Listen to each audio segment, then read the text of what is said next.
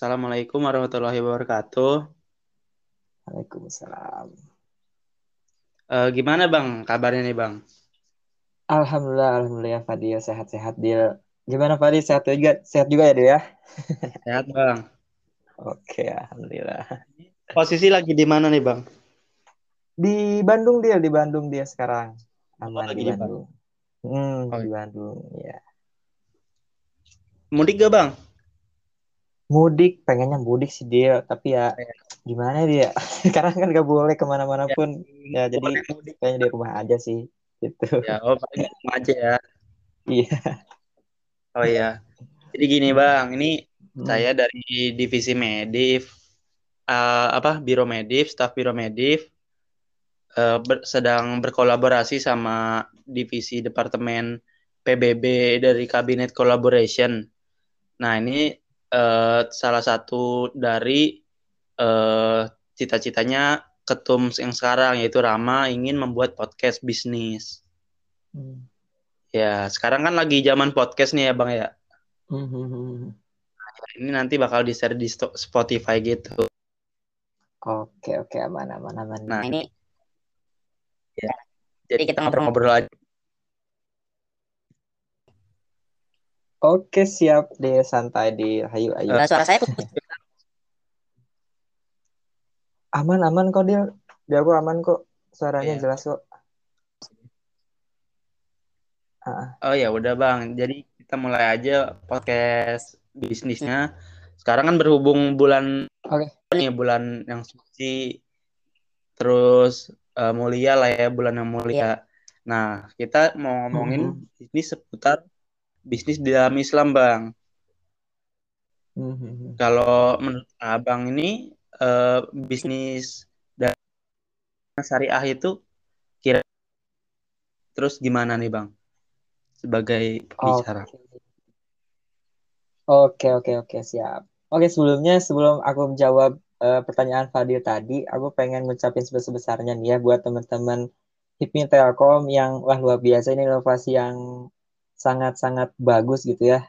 Karena karena kalau sekarang Iya. nyebarin virus-virus pengusaha itu gak cuma dari sekedar kita webinar, gak sekedar kita langsung datang ke tempat gitu ya, ya, tapi bisa melalui podcast ini. Oke, luar biasa dan eh, nyambung sama pertanyaan Fadil tadi, kira-kira kalau kita ngebahas tentang bisnis syariah atau bisnis Islam bisnis bisnis Islam di masa kini ini pasti gak cuma eh, sedikit eh, jangkauannya atau bahasannya gitu karena sebenarnya kalau aku boleh sharing di sini kalau kita ngomongin bisnis Islam itu sangat luas cakupannya teman-teman jadi kalau misalkan kita mau bahas bisnis Islam wah kayaknya ini sampai kita buka puasa pun gak akan gak akan beres gitu tapi kalau secara Oh ya, singkat terlalu. Oh ya. Hmm. Tapi kalau secara singkat, bisnis Islam itu sebenarnya eh, kita bisa memaknai bisnis Islam ini sebagai jalan ibadah atau jalan dakwah kita sebagai umat Muslim di sebenarnya. Karena sebenarnya kalau dari Islam itu yang namanya bisnis, yang namanya perniagaan atau jual beli itu udah diatur sedemikian rupa yang mana ada dalam satu hadis atau suatu riwayat mengatakan bahwa eh, mata pencaharian sebagai bisnismen atau sebagai pengusaha itu adalah sebagai mata pencaharian yang paling baik gitu. Nah, tapi di sini ada catatannya. Ada catatannya bis, eh, jual bi- jual beli yang bis- bisnis yang paling baik itu adalah bukan bisnis jual beli yang biasa, tapi bis, setiap jual beli yang mabrur atau diberkahi. Nah, gimana caranya kita buat eh, menggapai suatu pencarian yang paling baik tersebut adalah sebagai pengusaha muslim. Jadi ya itu sih intinya gitu ya. Kalau kita pengen berbisnis atau ingin kita eh, melakukan usaha, usahain untuk menjadi seorang pengusaha muslim yang emang mabrur atau yang diberkahi gitu. Gitu sih Dir, kalau buat singkatnya tentang bisnis Islam secara garis luas ya, secara seperti itu. Iya. Nah, Makasih Bang buat berarti eh, bisnis ini tuh is- istilahnya mata pencaharian yang terbaik lah ya.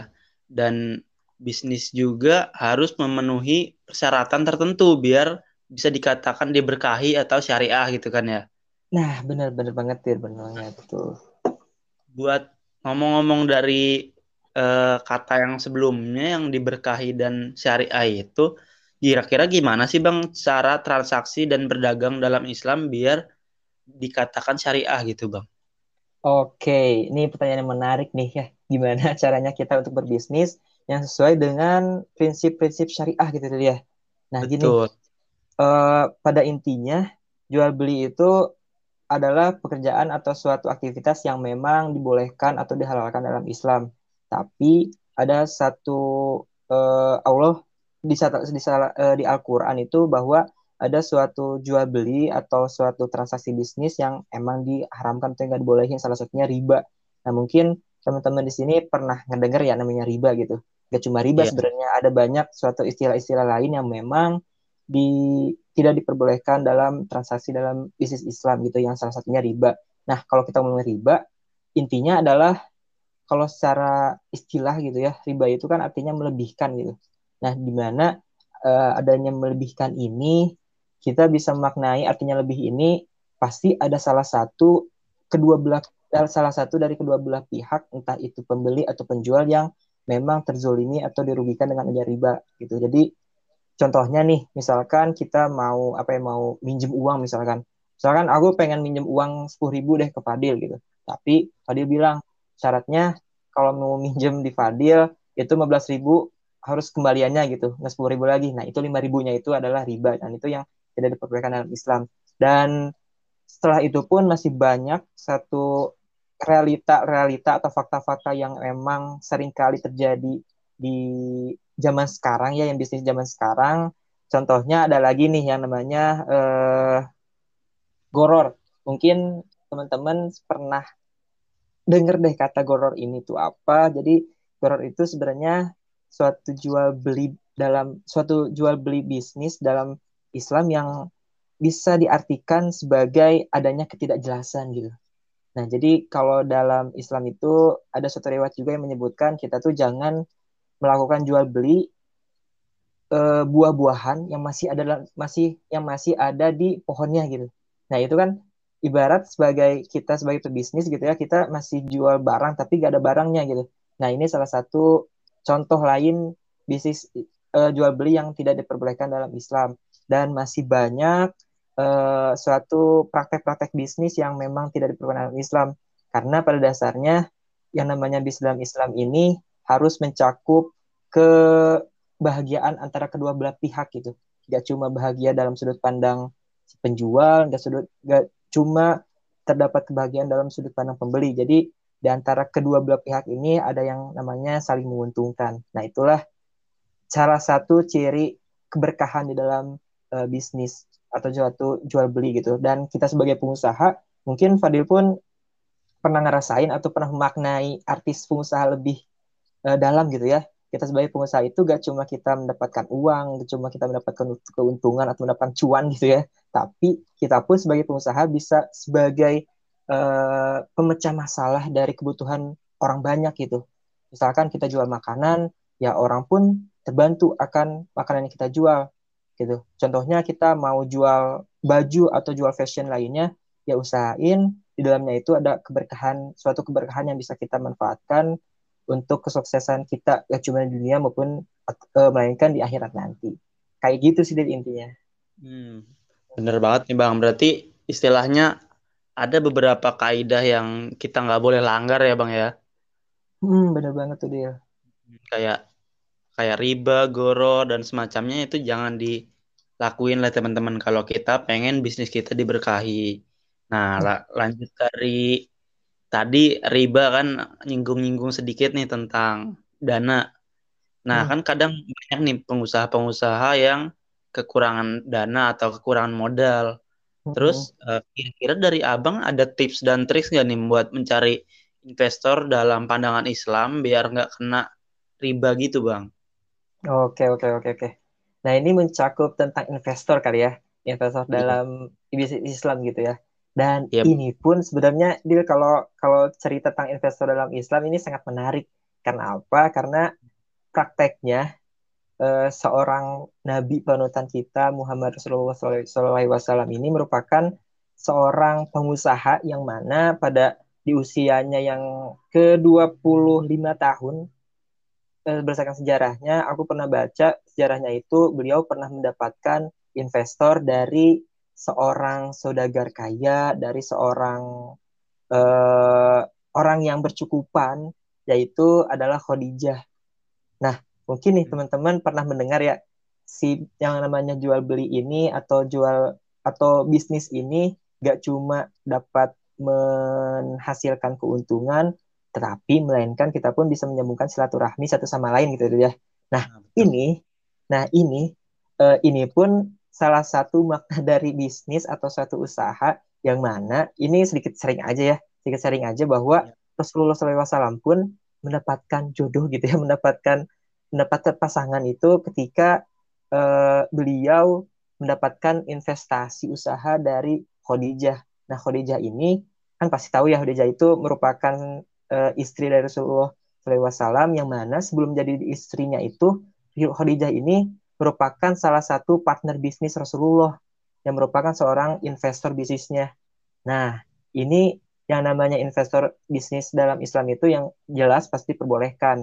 Nah, tapi mungkin kalau kita lihat prakteknya sekarang ya, ada beberapa investasi bisnis yang memang nggak sesuai syariat-syariat dalam Islam gitu. Di mana kalau syariat dalam uh, investasi dalam syariat dalam Islam ini, yang intinya itu harus uh, yang pertama tentu harus halal gitu ya produknya gitu. Kita jangan sampai kita misalkan kita menginvestasikan uang yang kita punya ke produk-produk yang ibaratnya tidak diperbolehkan dalam Islam seperti halnya kayak alkohol, terus kayak narkoba dan sebagainya. Mungkin itu jadi produk yang tidak diperbolehkan dalam Islam yang memang kita tidak bisa menginvestasikan uh, uang kita di sana gitu. Tapi selain itu pun yang namanya investasi dalam Islam uh, selain hal tadi kita pun harus punya prinsip yang namanya kita bagi hasil dan bagi rugi gitu. Jadi antara kedua kedua belah pihak antara investor atau antara investor dan pebisnis itu kalau mau rugi ya rugi bareng gitu. Tapi kalau mau untung ya untung bareng. Jadi itu gak ada uh, salah satu pihak yang dirugikan karena prinsipnya investasi itu kan adalah kerjasama ya.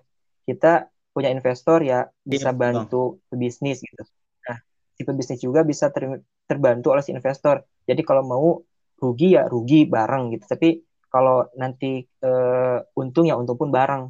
Nah, kayak gitu sih dan intinya yang namanya investasi dalam bisnis Islam itu adalah sangat-sangat diperbolehkan.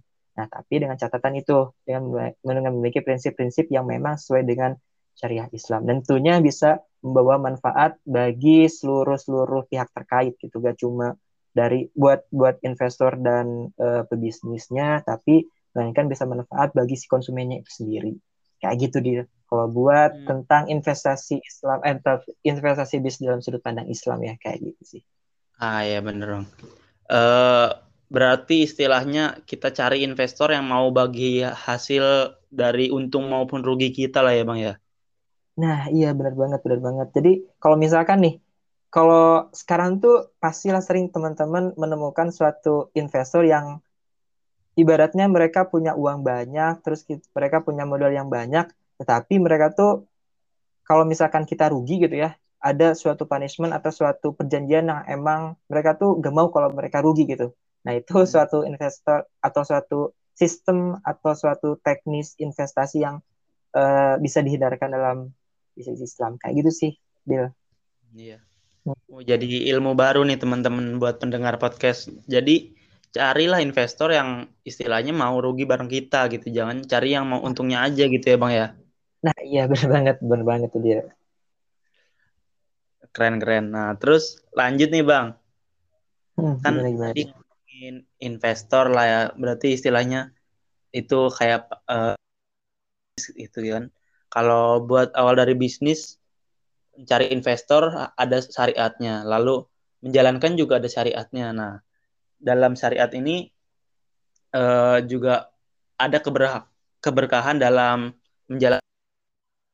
Nah, buat menjalankannya sendiri, abang sendiri kira-kira udah bisnis apa aja nih, bang? Boleh di-sharing lah bisnis-bisnis abang di sini. Oke, okay, oke. Okay. Kalau yep. pengalaman bisnis, aku sebenarnya aku mulai bisnis yang emang bisnis yang serius ya Gak cuma kayak jual iya. beli biasa aja. Aku mulai bisnis itu ketika aku ada di eh, sekitar SMA SMA ya kelas 2 atau kelas 3 SMA. Nah, ketika itu karena memang aku percaya ya ketika aku mulai bisnis itu harus dibarengi dengan passion ya Dil ya.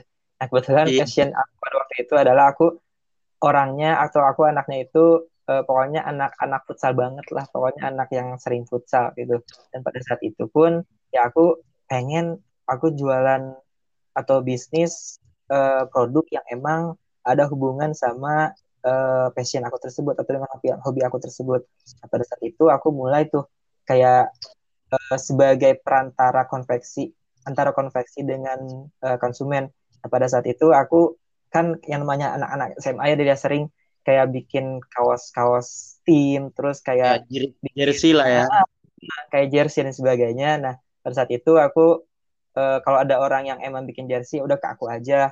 Jadi aku punya kenalan uh, konveksi yang emang bisa bikin jersey tersebut. Nah itu jadi salah satu uh, jadi lahan bisnis pertama yang aku mulai coba buat diserusin pada saat itu. Dan kemudian lama kelamaan ya yang namanya bisnis tadi dia pasti ada naik turunnya gitu. Dan pada saat itu eh, takdirnya bisnis itu udah udah enggak lagi. Dan kemudian aku pengen coba nih aku waktu beres itu pun beres bisnis itu aku coba buat uh, ini jual produk uh, yang emang nyambung sama olahraga lagi tapi ini aku lebih ke jualan produk yang lebih ke alat-alat olahraga gitu kayak misalkan kayak misalkan kos kaki buat futsal atau terus kayak uh, manset buat futsal dan sebagainya. Nah itu aku sempat jualan juga itu. Aku alhamdulillah punya supplier yang emang bisa diandalkan pada saat itu.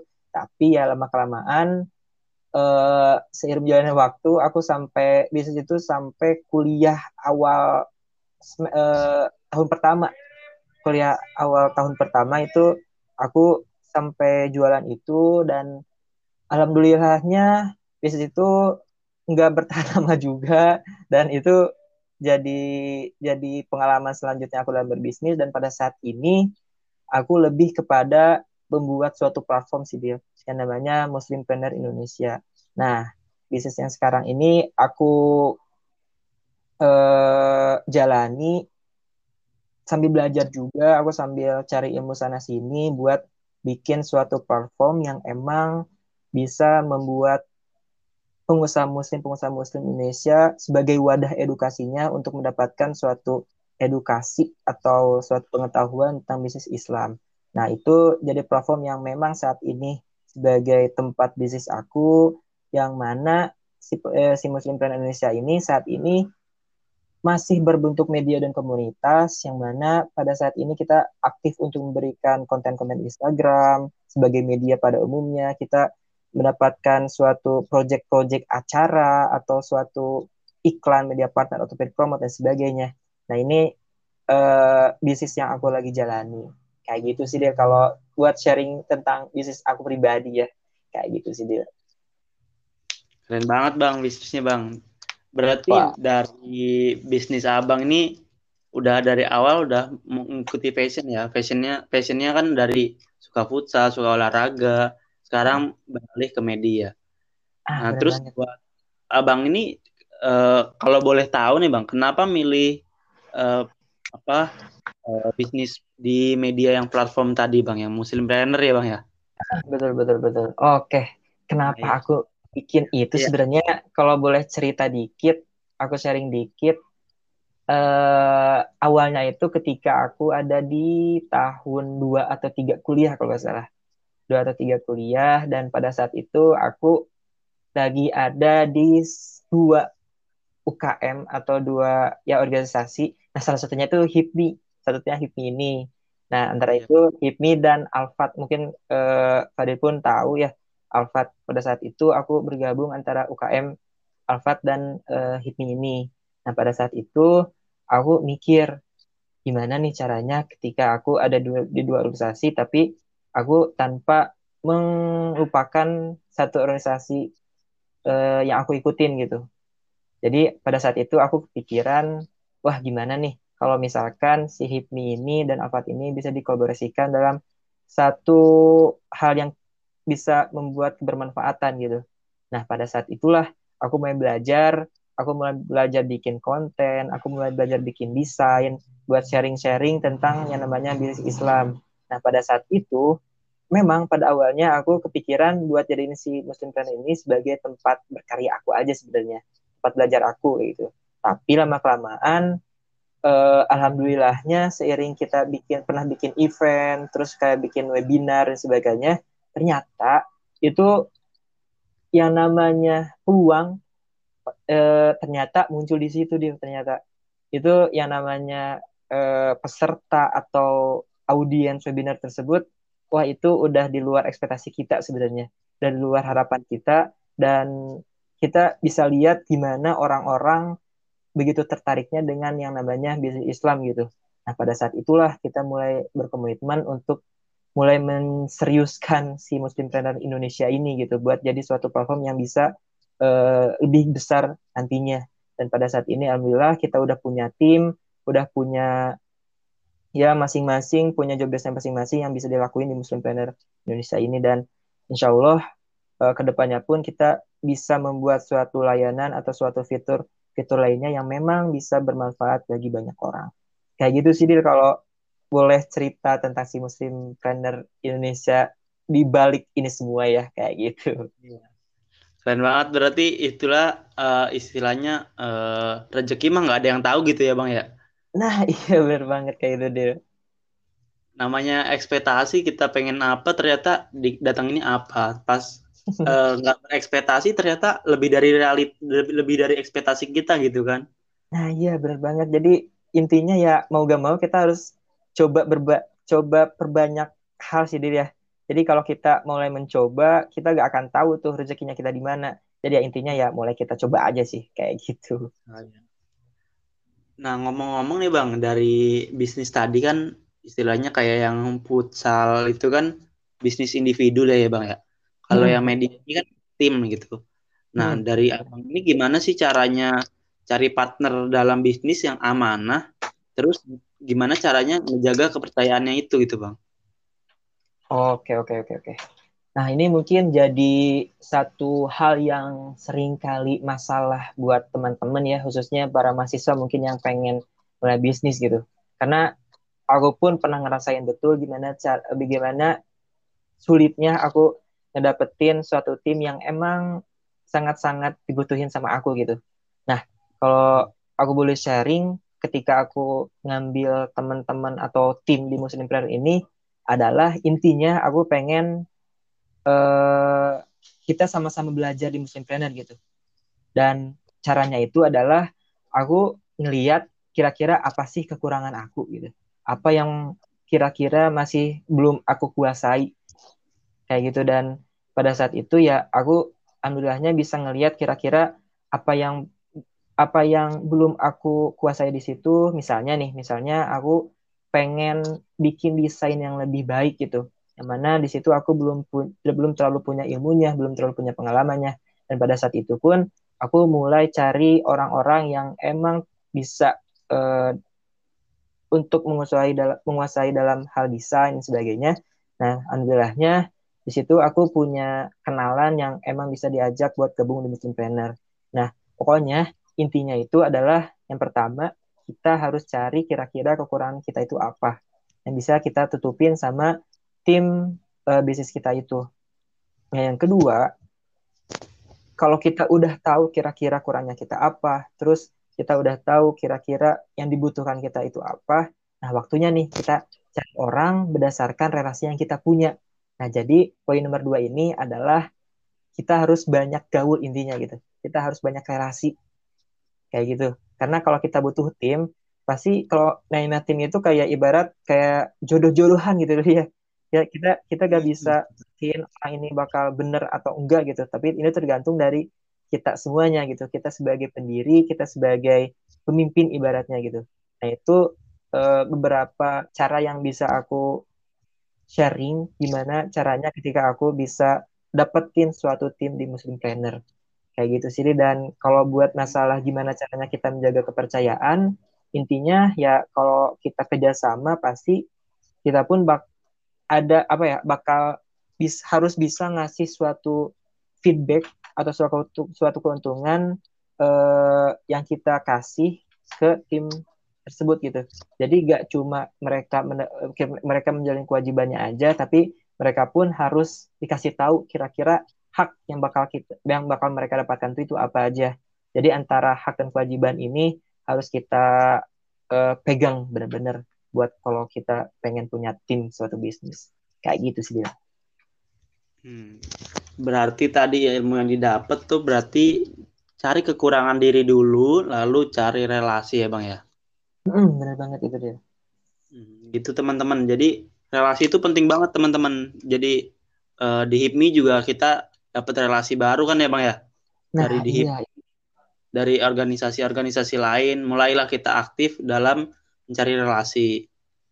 Nah ini berhubung dibatasi dengan waktu sebenarnya masih banyak pertanyaan-pertanyaan nih bang. Saya juga se uh, pengikut Muslim Planner di Instagram abang nih salah satunya nih iya. mantap. Mantap cuman karena berbatas waktu kita paling uh, topik terakhir lah bang ya.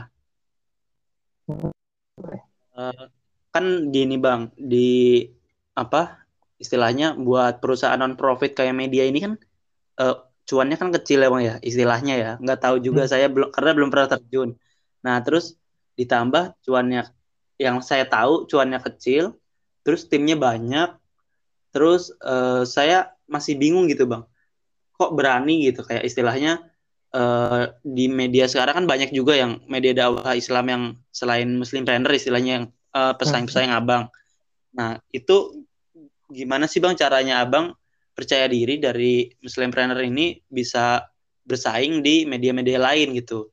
Dari pertama kan yang saya tahu yang tadi uh, cuannya nggak terlalu gede, terus butuh tim, butuh konsisten juga kan gitu ya bang. Nah mm-hmm. tips dan trik abang nih, kira-kira uh, apa sih rahasianya kenapa abang bisa pede terus gitu bang? Oke oke oke oke. Ini pertanyaan yang menarik nih karena iya bang. Karena yang diomongin Farid itu memang itu uh, ada benernya juga gitu. Karena yang namanya kita masih merintis gitu ya kita masih memulai juga pasti gak akan langsung sesuai harapan kita pada umumnya gitu.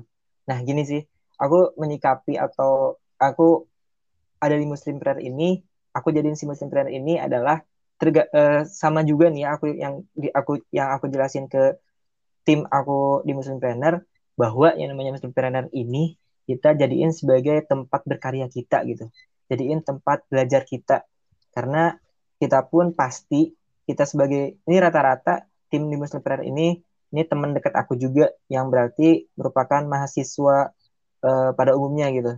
Nah yang namanya mahasiswa gitu ya dia pasti visi kita atau mindset kita kita harus punya cari pengalaman yang bisa bisa uh, eksplor potensi kita di mana dan sebagainya. Nah, ini salah satunya tempatnya musim planner gitu.